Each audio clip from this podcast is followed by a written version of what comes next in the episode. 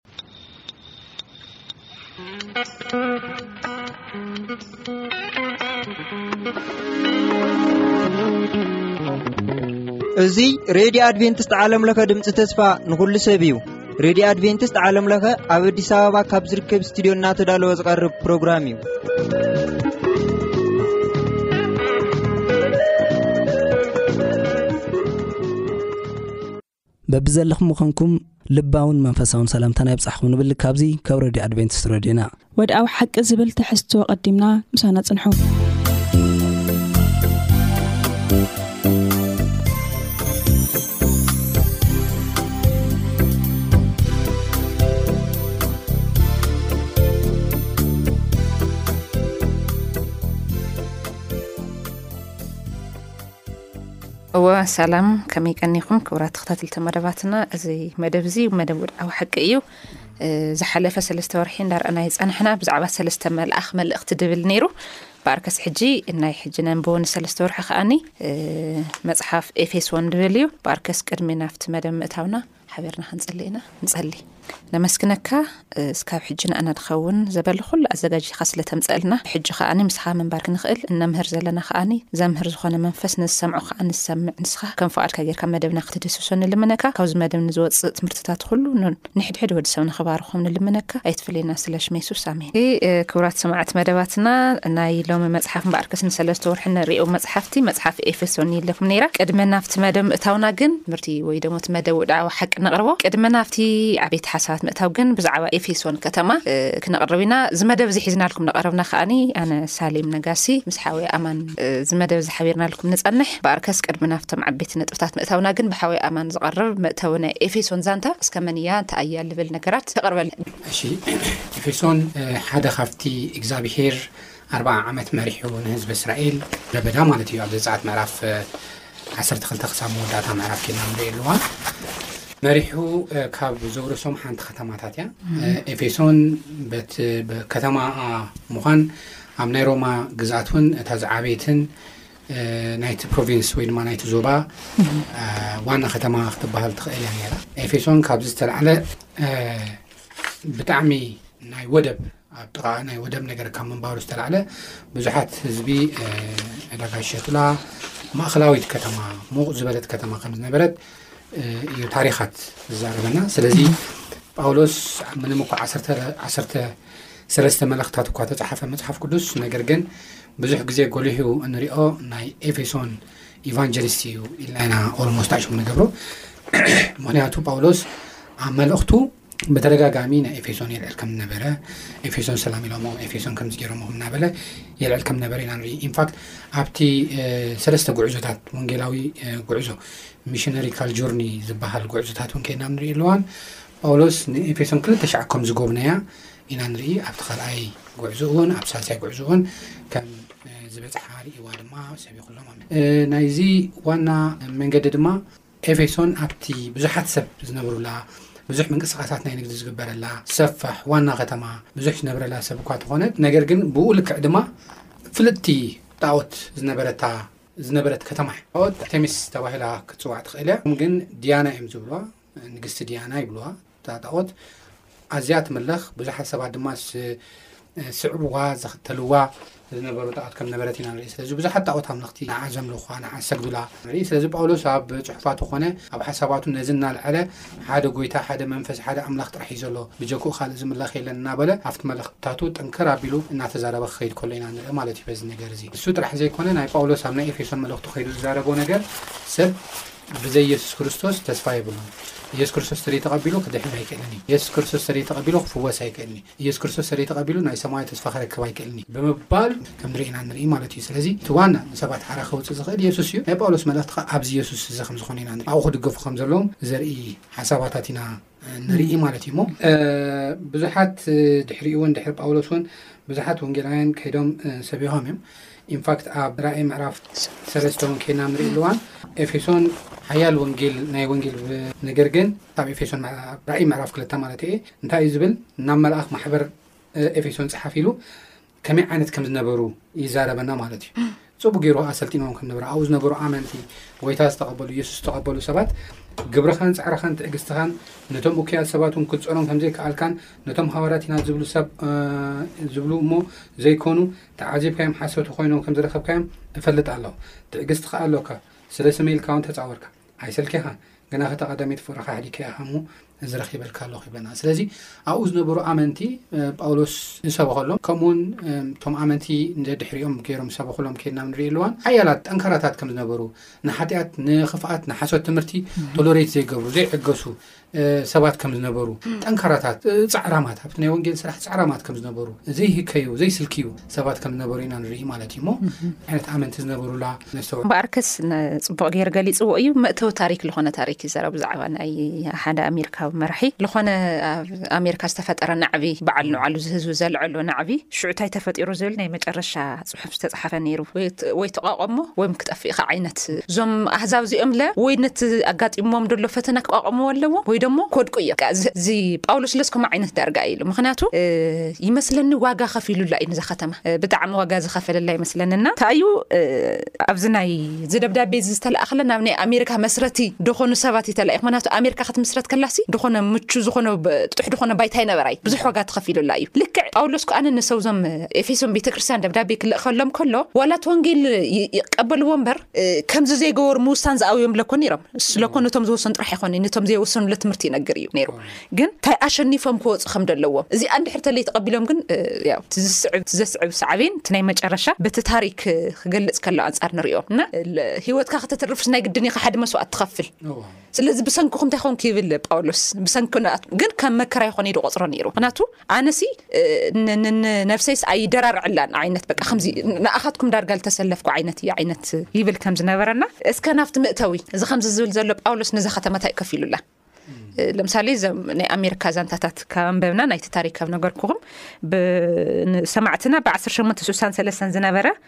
ናይ ሸውዓተ ሽሕ በዓሉ ዓሉ ዝህዝቢ ዝተወድአ ኣብ መንጎኡ ዝተፈጠረ ታሪክ ሓደ ታሪክ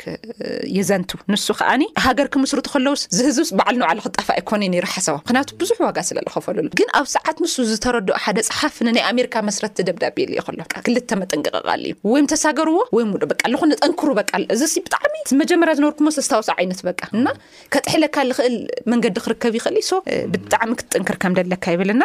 ኣማን ሓወይ ናብቲ መእተዊ እስከ ታእዩ ከፊሉ ጳውሎስ ታእዩ ገይሮ ኣብቲ ከተማ ከበድቲ ሰባት ከም ዝነበሩ እውን ይርኢ ጠንካራታት ከም ዝነበሩ እውን ይርኢ ናታእዩ ተኻይዶ ኣብቲ ከተማ ኣብ ግብረ ሃዋርያት ምዕራፍ 18 ከይና ንሪኢ ልዋን መብፅዓ ሰው ኣብ ክንክሬኡ ርእሱ ምስ ተላፅየ ከዓ ምስ በርቂላን ኣኪላን ብመርከብ ናብ ሶርያ ከደ ኣብ ኤፌሶን በፅሒ ከዓ ንኣታቶም ኣብኡ ሓደጎም ንሱ ግና ናብ ቤት ጸሎቶም ኣትዩ ምስ ኣይሁድ ይዘራረብ ነበረ ይብለና ንሳቶም ብዙሕ መዓልቲ ምሳታቶም ክጸንሕ እንተለመንዎ ኣብዮም በዚ ንዝመጽእ በዓል ብዝበልኩ ኣቢለ ኣብ የሩሳሌም ክውዕል ይግብኣኒ እዩ ኣምላኽ እንተፈቐዶ ናባታትኩም ክምለስ እየ ኢሉ ከም ተሰናበቶም ካብ ኤፌሶን ድማ ብመርከብ ከም ዝኸደ ኢና ንርኢ ስለዚ ከም ዝበልክዮ ናይ ኤፌሶን ሰባት ሓያላት ሰባት እዮም ነይሮም ብፍላይ ምናልባት ኣብ ቀጻሊ ሓሳብና ክንሪኦ ኢና በቲ ናይ ጳውሎስ ተልእኾ ብጣዕሚ ብዙሓት ብዙሓት ክቐትልዎ ዝደልዩ ብዙሓት ዝሃድንዎ ሰባት ከም ዝነበሩ መፅሓፍ ቅዱስ ይዛረበና እዩ ማለት እዩ እዎ ናይታ ድያና ትበሃል ኹን ኣምለኽቲ ከጥፍዎ ዝደልዩ ሰባት ከም ዝነበሩ እዩ ዝዛረበና ማለት እዩ ስለዚ እዚ ኸብ ዝደሊ ምናልባት ኣብ ቀፃሊ ሓሳብ ፅቡቅ እምበኣር ክሰዑ እንዳሃለኹ መደገፊ ክኾነካ ሓሳብ ኣብቲ ከተማ እ፣ ስብከት ምስባኽ ተጀሚሩ እቲ ወንጌል ጳውሎስ ዝሰብኮ ዝነብረ ስብከት ኣብቲ ከተማ ክስበኽ ጀሚሩ ወንጌል ክንገር ጀሚሩ ወንጌል ክንገር ከሎ ከዓኒ ዶ ምልቋስ ናብ ልኾነ ቦታ እንዳዘረስ ይብል ልኾኑ ሰባት ብስም የሱስን ብሽም ጳውሎስንሲ ክላገጹ ይርእዮም ነይሩ ክእ ሽም የሱስስ ኣብ ደይከውን ቦታ ከውዕልዎ ንርእዮም ነርና ድሓር ግን እንታይ ይብል እዚ ኣብቲ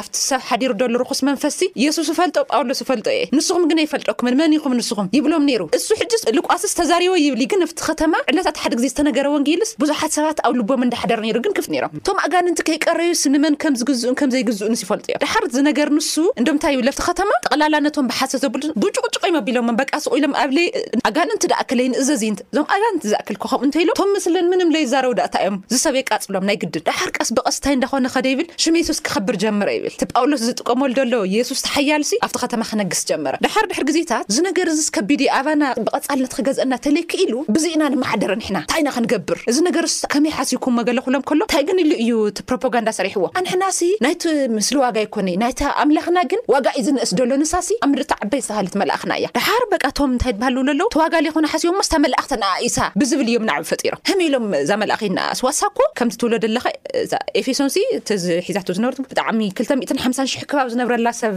ዝነበረት ከተማ እያ በቲ ሽዑ ሰዓት ብጣዕሚ ብዙሕ እዩ ከመይ ኢላስ ካሊእ ኣምላኽ ኣብዚ ከተማ ይስበኽ ዓይነት እዩ ዝናኣስ የወርዳ ሕጂ ነቲ ጥቕሞም ነቲ ረብሐኦም ኢሎም እዮም እወ፣ ነቲ እወ። ህዝቢ ሓልዮም ወይ ድማ ሓቂ ስለ ዝኾነ ይኮን እወ ምክንያቱ እቲ መጽሓፍ ቅዱስ እንታይ እዩ ዝብል ዲሜጥሮስ ዝበሃል ሓደ ንኣርጤሜስ ዝኸውን መቕደስ ብሩር ዝሰርሕን ኣንጥረኛ ነቶም ኣንጥረኛታት ብዙሕ ይረብሖም ነበረ ይብለና ነዚኣቶም ነቶም ብዕዮም ዝረብሕዎም ኣኪቡ ኸኣ ከምዚ በሎም ኣቱም ሰባት ጥቕምና ካብ ስራሕ እዚ ምዃኑ ትፈልጡ ኣለኹም ስለዚ ንጳውሎስ ከልክልዎ ንጳውሎስ ክተልዎ እናበለ ካብ ጥቕሚ ንህዝቢ ካብ ምሕላይ ነቲ ሓቂ ካብ ምስባኽ ወፃኢ ካብ ጥቕሞምን ካብ ረብሕኦም ተላዒሎም ነቲ ጉዳይ ይኹንንዎ ከም ዝነበሩ እዩ መፅሓፍ ቅዱስ ዝዛረበና ብጣዕሚ ዘሕዝን ነገር ማለት እዩ ብጣዕሚ ስለዚ እዚ ምስ ሰምዑ ኩራ ምልኦም ዓው ኢሎም ድማ ኣርጤሜስ እ፣ ሰብ ኤፌሶን ዓባያ እናበሉ ጨደሩ ሕጂ እቲ ካብዚ ንምሃሮ ዓበይቲ ነገራት ኣሎ ብኣውያት ብብዝሒ ብሞብ ክንምራሕ የብልና ርያላይዝ ኢና ክንገብር ዘለና እንታይ እዩ እቲ ሓቂ ንዓይ ዝረብሓኒ ንዓይ ዝጠቕመኒ ንዓይ ናብ ሂወት ከብጽሓኒ ዝኽእል ዘላለም ሂወት ተስፋ ክበኒ ዝኽእል ኣየናይ ምባል እምበር ሲልካ ብሞብ ብህዝቢ ናዕቢ ወይ ድማ ብህዝቢ ብዝሓት ስለተዛረቡ ምጉያይ ካብዚ ክንምሃር ከም ዘይብልና ኣብ ኤፌሶን እንምሃሮ ሓደ ዓቢ ነገር እዩ ከምዚ ክንከውን ዘይብልና ማለት እዩ እሞ ብዙሕ ግዜ ኣብ ኢትዮጵያ ኮነ ኣብ ካልእ ዓዲ ብሰብ ብዝሒ ሰብ ክኽተሉ ከሎ ኢና እዚ ግን ጉጉይ ከም ዝኾነ ኣብ ግብረ ሃዋርያት ምዕራፍ 19 ካብ ፍቕዲ 21 ጀሚርና ክሳብ 28 ናብ ንሪእሉ እዋን እዚ ሓሳብ እዚ ንረኽቦ ኢና ማለት እዩ ብጣዕሚ ፅቡቅ ኣይገደፉን ስርሖም ህኮት ኣልዒሎም እዮም ኣብ ልዕሊ ንዞም ወንጌል ብስራት ንዝነግሮ ኣብዚ ከተማ ኣብቲ እንታይ ዓይነት ታሪክ ኣለዋ ብካልኣይ ከዓ ናይ ስፖርት ዝካየደሉ ስቴዴማት ገለታት ምናምን ነይሮማ ኣብቲ ቦታ ንሱ እዮም እንታይ ገይሮም ኣብኡ እዩ ልስማዕ ኣብቲ ቦታ ውስ ወሲድካ ኢካ እንታይ ባል ክትግበር እንዳጎቱ ተወሲዶም እዮም እንታይ ባል ገይሮሞ ለይለ ግፍዒ ፈፂሞምሎም ግን ክከገርመካ ገውዛት እዮም ሰምለ ኣይሁዳዊ ስለዝኮነ እቲ ንጉስ ናይቲ ከተማ ኣይሰምዐናን በቃ ንሕናስ ንክልተ ሰዓት ልኣክልስ ተዳሚጾም ጨዲሮም ይብል ለፍቲ ከተማ ደሓር ግን እዋ እዚኦም ቤተ መቅደስ ኣፍሪሶም ተኾይኖም ለይከውን ነገር ትምህርቲ ምህሮም ተኾይኖም ሲ ይብል ክትብልዎም ትኽእሉ ኢኹም ግን ከምኡ ልብል ነገር ስለ ለይሰማዕኹሎም ሲ ወይ መጋብኣያ ወሲድኩም ከይድ ኣካይድዎ ተለይኮነ ግን ንኣና ጽቡቅ ኣይኮነን ስለ ለይከውን ነገር ኣይትግበሩ ዝህውከት ከም ዝቀነሶ ግን ከ ኣቋሪጹ ድዩ እስከ ድሕሪኡ ዘሎ እስከ ቀጽለልና ኣማን ሓወይ እዎ ተኣሲሩ እዩ ኣብቲ ኤፌሶን መልእኽቲ ሕጂ ከይና ንሪኢ ኣልዋን ኣብ እስሪ ቤት ኮይኑ ዝጸሓፎ መልእኽቲ ከምዝኾነ እዩ እቲ ሓሳብ ዝዛረበና ማለት እዩ ስለዚ ኣብ ኤፌሶን ምዕራፍ ሓደ ሓደ ክልተ ከና ንርኢ ኣለዋ እንታይ ይብል ጳውሎስ ብፍቃድ ኣምላኽ ሃዋርያ ክርስቶስ ዝኾ ሕጂ ኩሉ ቃላት ክዛረቦ ከሎ ሕድሕድ ሚኒንግ ኣለዎ እዩ። እንታይ እዩ ዝብል ጳውሎስ ብፍቃድ ኣምላኽ which is ብፍቃድ ርእሶም ከም ዝበልክዮ ሃዋርያት ዘይኮኑ ክነሶም ነገር ግን ሃዋርያት ኢና ዝብሉ የሱስ ዘይኮኑ ክነሶም የሱስ ኢና ዝብሉ ሰባት ንዖም ንምርታዕ ኢሉ እዩ። ብፍቃድ ኣምላኽ ሃዋርያ ክርስቶስ የሱስ ነቶም ኣብ ኤፌሶን ዘለዉ ቅዱሳን ብክርስቶስ የሱስ እምናትን ካብ እግዚኣብሔር ኣቦናን ካብ ጌታና የሱስ ክርስቶስን ሰላም ምሳኻትኩም ኢሉ ከም ዝለኣኸሎም እቲ መልእኽቱ ድማ ከም ዝፀሓፎም ኢና ንርኢ ማለት እዩ ካብ ዝገርመኪ ኣብዚ መልእኽቱ መጀመርያ ምርቓት ከም ዝባረኾም ካብ ተወሳኺ ድማ ኣነ ብጣዕሚ ዝገርመና ኣብ እስራት ኮ የሱስ እዩ ተተስፋ ኢሉ ብሓይሊ ክሰብኽ ከሎ ናይቲ መልእኽቲ ዋና ሕመረት ኣብ ኤፌሶን ምዕራፍ ሓደ ኢና ንረኽቦ ሓሳብ እዩ ካብ ኤፌሶን ምዕራፍ ክልተ ካብ ሓደ ክሳብ ዓሰርተ ድማ የሱስ ልዕል ልዕል ዝበለ ጎይታ ምዃኑ ስለ ሓጢኣትና እኳ ትሕት ኢሉ እንተነበረ ስለ ሓጢኣትና እኳ ተሞተ ነገር ግን ኢና ንርኢ ማለት እዩ እሞ እዞም ሰባት እዚኦም በቲ ደብዳቤ ናይ ጳውሎስ ብርትታዕ ኮነ እቲ ሓቂ ከም ዝተረድኡ እወ ናብ ዝቕፅል ከዓኒ እንታይ ይብል ሲ ብዙሓት ሰባት ጳውሎስ ኣይኮነን ፅሒፎ ዝብል ክርክር የልዕሉ እዮም ባይዘወ ናይ ጳውሎስ ደብዳቤ ክስካብ መጨረሻ ናይ መጨረሻ መፅ ፅሑፍ እብራውያን ይሓ እስካብ ሽዑ ስን ጳውሎስ ይማጎትዎ ኣይኮነን ዝብል ደብ ስለምንታይ እዮም ኣብ ልዕሊ ጳውሎስ ከምኡ ዓይነት እንታይ ይበሃል ድውዕል እወ ፅላኣት እዩ እቲ ዋና ነገር ፅላኣት እዩ ከም ዝበልኩኸ ጳውሎስ ኣብ ዝነበረሉ ግዜ ዓበይቲ ስራሕቲ ዝሰረሒ እዩ ዓበይቲ ስራሕቲ ካብ ምስርሑ ብተወሳኺ ድማ ይፈልጥዎ እዮም ብዙሓት ኣመንቲ ካብኦም ናብ ክርስትያናት ከም ዘምፀ ካብዚ ካልኣይ ነጥቢ ከዓ ከይና ንሪኢ ኣለዋን ከም ኣውቶር ወይ ድማ ከም ደራሲ ፀሓፊ ኮይኑ ኣይገለፀን ኣብ ጽሑፉ ዄና ንርኢ እልዋን ከምቲ ቀዲም ኢለ ዘንበብክዎ ብፍቓድ ኣምላኽ ሃዋርያ ክርስቶስ የሱስ ናብ ኤፌሶን ዘለዉ ቅዱሳን ኢሉ እዩ ጽሒፉ ስለዚ ኣነ ጽሒፈዮ ዝብል ኣነ ጽሒፈዮ ዝብል ሊተራል ዝኾነ ኣውቶሩ ኣነ ጽሒፈዮ ዝብል ኣይኮነን ሲምፕሊ ጳውሎስ ብፍቓድ ኣምላኽ ሃዋርያ ክርስቶስ ኢየሱስ ኢሉ እዩ ጽሒፉ እምበር ኣውተር ምዃኑ ብዙሕ ገላጺ ከም ዘይነበረ ካብ ዝተላዕለ ከም ዝከራ ወሪና ንርኢ ኣብ እንዳሃለይ መራጎዲ ክኾነካ በየናይ ኩነታት እንዳሃለይ እቲ ደብዳቤ ተላኢኹ ጳውሎስ እቲ መልእኽቲ ዝጸሓፎ ካብ እስረ ቤት ኮይኑ እዩ ምስ ቆላስ ኣስመላክ ን ኣብ እስሪ ቤት ኮይኑ ጽሒፍዎ እዚ ሓሳብ እዚ ኸና ንሪእሉ እዋን ስለቶም ኤፌሶን ክጽሓፍ ከሎ ጥቕልል ዝበለ ሓሳባት ምስቲ ኣብኡ ዝነበረ ናይ ስተ ትምህርቲ ኮነ ምስቲ ኣብኡ ዝነበረ ሽግራት ገይሮ ከም ዝለኣ ኮይና ንርኢ ኣብዚ ከምዚ ዓይነት መከራ ኮይኖም ግን እግዚኣብሔር ከመስግኑ ልዕል ከብሎ ከም ዘለዎም ዝተዛረቦም ሓሳብ እዩ ስለዚ ካብቲ ፅሑፉ ካብቲ ናይ ጳውሎስ ኣዘራረባ ኮይና ንርኢ ኣለዋ እቲ ፅሑፍ ጳውሎስ ከም ፀሓፎ ቡይና ንርዳእ ማለት እዩ። እወ እ፣ ሰለስተ ሓሳባት ክውስኸልካ እንዳሃለኹ እቲ ኩነታት ከመይ ነይሩ ብዝ- ለምሳሌ ብዛዕባ ኣንስትን ኣስኡትን ክከባበሩ ከም ደለዎም ሓደ ሓሳብ ኣልዒሉ ነይሩ ካልኣይ ከኣ መንፈሳዊ ውግእ ሳልሳይ ከኣ ብክርስቶስ ሓደ ከም ድኾነት እታ ቤት እታ ህንፃ ተኡ ደሎ ሰብሲ ብክርስቶስ ሓደ ከም ድኾነ ኣነ ና- ናቱ ኣጀንዳ ፈፂመ ከይደ ንበይነይ ተልኸውንስ ንኣኹም ይመበፃሕኹን ስለዚ ሓደ ናብ ልገብረኒ ናብ ክርስቶስ ል- ልዕብየኩም ዓይነት ከምዚ እንዳተሃነፀ ዝኸይድ ህንፃ ከምኡ ኢኹም ኣ- ኣንስትኹም ብተኽብርዎም ቤት ከም ተኽብሩ ቤተክርስትያን ከም ተኽብሩ ፍለጡ ትዋግኡሉ ዓይነት እቲ መሳርሒ ስኻትኩም ምስ ደምን ስጋን ደይኮነስ ኢሉ መልእኽቲ ከም ዝነግሮም ሽዑ ሰዓት እዚ ዓይነት ክፍተት ስለ ልነውሮም ኢዩ እዘን ሰለስተ ዓበይቲ መልእኽቲ ልኢኾሎምና። ኣብ ሓዳር ኣብ እቲ ከመይ ገይሮም ከም ዝዋግኡ እወ ደይምፍላጥ። እወ ካልኣይ ከኣኒ ብክርስቶስ ሓደ ከም ድኾኑ ካልእ ሳልሳይ ከኣኒ መንፈሳዊ ውግእ ደይኮና ኣብዚ እስርቤት ኮይንስ ብዛዕባ መንፈሳዊ ውግእ ክጽሕፍ ከሎ ሓደ ሮማዊ ወታደር ዝተዓጠቖ ዕጥቂ እንዳ ረኤ ከምዚ ለወሱ ኢሉ እዩ ተድባል ጌርዎም እና ንሕድሕድ ክጥቀሞ ከሎ ከኣኒ ምኽንያቱ ኣብዚኣ እንድሕር ተደሪቡ ካሉ በዚ ክወቕዖ ኣይክእልን መከላኸሊ ጌሩ ኣብ ርእሱ ኣብ እግሩ ኣብ ኩሉ ቦትኡ ስለ ዝተጠቐመ ንስኻትኩም ለ ምንም ዓይነት ተለመጽ ክትጻወርሉ ትኽእሉ ኣጽዋርስ ልበሱ ተኸደኑ ይብሎም እና ኣብዚ ኩነታት ሰዓት እዩ ንሱ ኣመቸው ዘይኮነ ኣብ ዘይጥዕሞ ሰዓት እዩ ንኦም ሰምለኹም ዓይነት ኩነታት ኔሮም ምኽንያቱ ብናይ ጳውሎስ እስራት ዝጭነቑ ሰባት ኔሮም ክጥንክሩ ክብርትዑ ከም ደለዎም እዚ ሓሳብ እዚ ይገልጽ ማለት እዩ። እምበኣርከስ ናብ መዛዘሚ ናብ ሓሙስን ናብ ዓርብን ናይ መወዳእታ ሓሳብ ክትህበልና እንታይ እንታይ እዮም ነይሮም? ዝተዛረቦ ናይቲ ሓሳብ ዝዛዘሞ ኣብ ኤፌሶን ምዕራፍ ሓደ ካብ ሸሞንተ ክሳብ ዓሰርተ ሓሒዙ ስለ ዘሎ ኣብኡ ትኹረት ምግባር እዩ። እንታይ ይብል? ከምቲ ብእኡ ዝመደቦ ስምረቱ ነቲ ምስጢር ፍቓዱ እናፍለጠና ነቲ ናይ ምልኣት ዘመናት መጋቢነቱ ኣብ ሰማይ ዘሎን ኣብ ምድሪ ዘሎን ኣብ ክርስቶስ ምእንቲ ክጥቕለልሲ ብኹሉ ጥበብን ብኹሉ ኣእምሮን ነቲ ጸጋ ኣባና ኣውሓዞ። ይብል እዚ ኣብዚ ሓሳብ እዚ ብዛዕባ እታ ማሕበሮም ምስ ክርስቶስ ሓደ ክትከውን ከም ዘለዋ እዩ ዝዛረብ ኣብዚ ሓሳብ እዚ ከና ንርኢ ኣለዎ ኣብዚ ሓሳብ እዚ ብዙሓት ኣይሁድ ዘይኮኑ ኣህዛብ እንታይ ገይሮም እዮም ናብዚ ማሕበር መፅኦም እዮም ኣይሁድ ዝኾኑ እውን መፅኦም እዮም ስለዚ ኣብ መንጎም በቲ ናይ ቀደም ዝነበሮም ኣመላኻኽታ ንፋት እዚ ሓሳብ እዚ ኣብ ኤፌሶን ጥራሕ ዘይኮነ ኣብ ዝተፈላለዩ ማሕበራት የጋጥም ነይሩ እዩ ጳውሎስ ኣብ ዝጓዓዘሉ እዋን ኣብ ቆሮንጦስ ከምኡ ውን ኣብ ዝተፈላለዩ ቤተክርስትያናት ከምዚ ዓይነት ጭቕጭቕ የጋጥም ነይሩ እዩ ስለዚ ሓደ ክኾኑ ከም ዘለዎም ይዛረቦም ነይሩ ማለት እዩ በቲ ናይ ክርስቶስ ኣእምሮ ክተሓዙ ከም ዘለዎም ንዑ ክግዝኡ ከም ዘለዎም እዩ ተዛሪቦም እሞ ስለዚ እቲ ናቶም ስፕሪል ኮሚትመንት ኢንፋክት ቅድም ኢላ ኣብ ራእይ ምዕራፍ ክልተ እውን ኣንቢበልክ ነይረ ራእይ ምዕራፍ ክልተ ኣዝዮም ፃዕራማት እዮም ነይሮም ግን ዳሓርታይ ኮይኖም ፍቕሮም ከም ዝቐነሱ ኢና ንርኢ ኣብ ባዕሎም ዘለዎም ፍቕሪ ከም ዝቐነሱ ኢና ንርኢ እዚ ሪስቶር ጉበሮ ኢልዎም መፅሓፍ ቅዱስ እውን ኬና ንርኢ ኣለና ስለዚ ንባዕሎም ፍቕሪ ከም ዝቐነሱ ኢና ንርኢ ስለዚ እዚ ግን ጳውሎስ ንኸይቅንስዎ ደጊሙ መኺሮም ከም ዝነበረ ሓደ ክኸውን ክሰምሩ ከም ዘለዎ እንተዘይ ሰሚሮም ክስዓሩ ከም ዝኾኑ እናዛረቦም ኢና ንርኢ ስለዚ ብዛዕባ ማሕበር ክዛረብ ከሎ ጳውሎስ ኣብ ኤፌሶን ምዕራፍ ሓደ ፍቕሪ 22 ኬና ንርኢ ኣለዋ ንብዘሎ ኣብ ትሕቲ ኣጋሩ ኣግዞ ኣብ ልዕሊ ኩሉ ርእሲ ምእንቲ ክኸውን ድማ ነታ ማሕበር ወፈዮ ስለዚ ናይታ ኣካል ናይታ ማሕበር ርእሲ ከም ዝኾነ እታ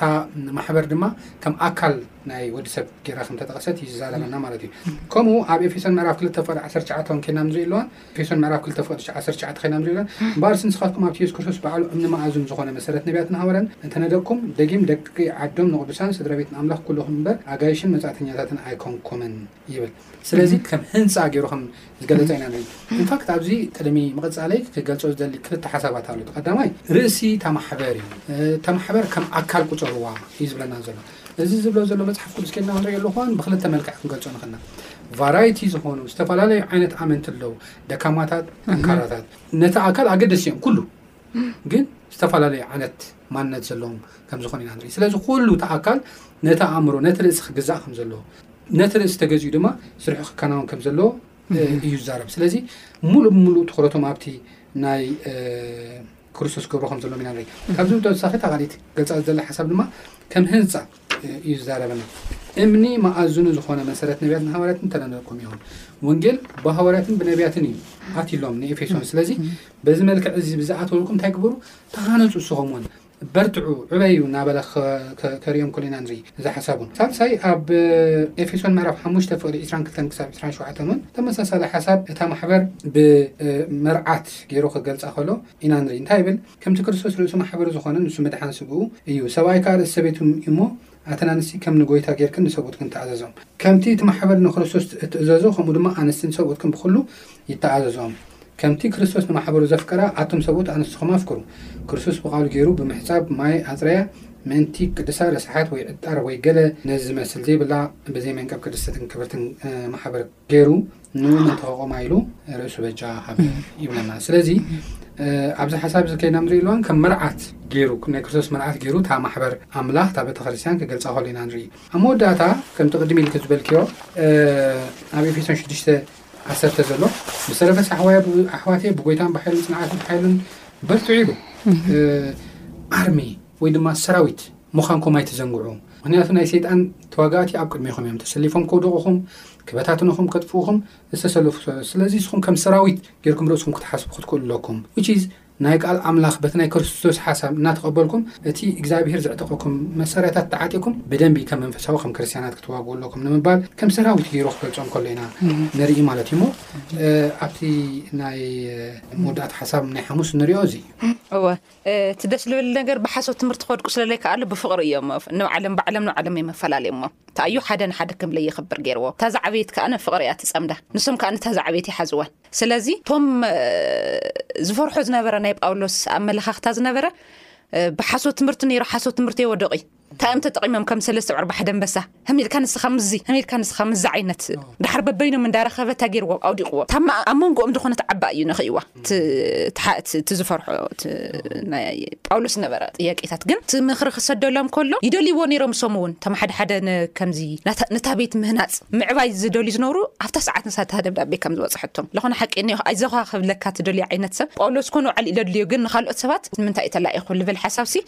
ሳኔራ ተዓባይን ክፍተታት ኣይትሪኦን ናይ ሰላም ማል ልኾነ ካሊእ እተወሊ ታዩ ሰባት ሰላም ውሒድዎም ፍቕሪ ውሒድዎም ሓልዮት ለውሃት ገርህነት ውሒድዎም ነይሩ ባዕለም ሉዓለምስ ኣይ ኣይ ካሊእም ልደልዩ ባዕለም ሉዓለም ሼርክ ዚኣ እንተ ጌርኩምሲ እዩ ብኻሊእ ነገርስ ኣይትወድቁን ኢኹም ንስኹም በቃ ተባዓት ኢኹም ዋላ ልተወቆሰ ቤተክርስትያን ተኤፌሶንሲ ኣብ ምዕራፍ ክልተ ራእይ ዮሃንስ በዚኣ እዩ ተወቂሱ ካሊእ ነገር ከኣ ታይድ ባህል እንተሃለኻስ እዚኣ ግን ጎዲላትካ ተባሂላ ሓቀይ ዚኣ ከኣ እንተ ዝዓበየት ነይራና እዝን ወድዝን ስለልጎደሎ እዩ ንውድቀት ምክንያት ትኾኖም መንገዲ ግን ተረኺባ። ስለዚ ክብርትዑ ክጠንከሩ ከም ደለዎም ዝተላእከ ጽሑፍ ነይሩ። እምበኣርከስ ሓሳብ እንተሃሊካ ናይ መወዳእታ መዛዘሚ በባይ ወገን እዚ ይመስል። መዛዘሚ ሓሳብ እንመሃሮ ነገር ካብ ኤፌሶን ቤተክርስትያን ወይ ድማ ካብ ኤፌሶን ማሕበር እንመሃሮ ምናልባት ሰለስተ ዓበይቲ ነገራት ኣሎ ኢለ ይሓስብ። እቲ ቀዳማይ ንሓሶት ቶለሬት ዘይገብር ዘይዕገስ ንሓጢኣት ዘይዕገስ ማንነት ዴቨሎፕ ክንገብር ኣለና። እዞም ሰባት እዚኦም ከምዚ ዓይነት ማነት ዴቨሎፕ ገይሮም ነሮም ኣማዕቢሎም ነሮም ኣብ ባህር እዮም ስለዚ ፅኑዓት እዮም ነሮም ሓጢኣት ዝፅየፉ ሰባት እዮም ነሮም ክፋ ፅየፉ ሰባት እዮም ነሮም ሓሶት ክሪኡ ከለዉ ዘይንሕፉ ሰባት እዮም ነሮም ስለዚ ከምዚ ዓይነት ማነት ፅቡቅ ማነት እዩ ኦነስቲ ንሕልናካ ተኣማንነት ኮይንካ ምንባር እዩ እዚ ከዓ እግዚኣብሔር ካባና ዝደልዩ እዩ እቲ ካልኣይ ነቲ ናይ ስራሕ ሰባት ምዃኖም እዩ። ኣዝዮም ናይ ስራሕ ሰባት እዮም ነይሮም፣ ኣይስልክዩን እዮም፣ ኣይደኽሙን እዮም፣ ጠንካራታት ሰባት እዮም ነይሮም እሞ ኢቭን ካብቲ ሰብ ከሎም ዝነበረ ጳውሎስ እኳ ከይና ንሪኢ ኣለዎን ኣብ እስሪ ቤት ኮይኑ ዝፅሕፈሉም ፅሑፍ እኳ ናይ ደስታ ኣብ ክርስቶስ ክእመኑ ከም ዘለዎም እዩ ውሽስ ከመይ ዓይነት ናይ ስትራግል መንፈስ ከም ነበሮም ንርኢ ኢና ስለዚ ናይ ስራሕ ሰባት እውን ከም ነበሩ ስለዚ ንሕና እውን ናይ ወንጌል ስራሕ ዕዮ ክንሰርሕ ከም ዘለና እዩ ዝዛረበና ኣከባ ዝደሊ ሓሳብ ግን ኣብዛ መወዳእታ ዝበልካዮ ሓሳብ እያ ንሳ ድማ እንታይ ክንከውን ኣለና ናይ ፍቅሪ ሰባት ድማ ክንከውን ኣለና ሓደ ዓይነት ልቢ ክህልወና ከሎ ኩላትና ንናይ ክርስቶስ ኣእምሮ ክንግዛእ ኣለና ከም ናተይ ኩን ከም ናተይ ኣዘራርባ ተዛረብ ከም ናተይ ኣተሓሳስባ ሕሰብ ክብን ክንብል የብልና ኩላትና ነቲ ናይ ክርስቶስ ኣእምሮ ነቲ ናይ ክርስቶስ ቃል ነቲ ናይ እግዚኣብሔር ቃል ቡቅ ጎይታ ይባርኽካ ንዝነበረና መደብ መደብ ብድዓዊ ሓቂ እዚ ይመስል ነይሩ ቐጻ ብቐጻሊ ምዕራፍ እስካብ ንራኸብ ጸጋ ኣምላኽ ምስ ኩላትና ይኹን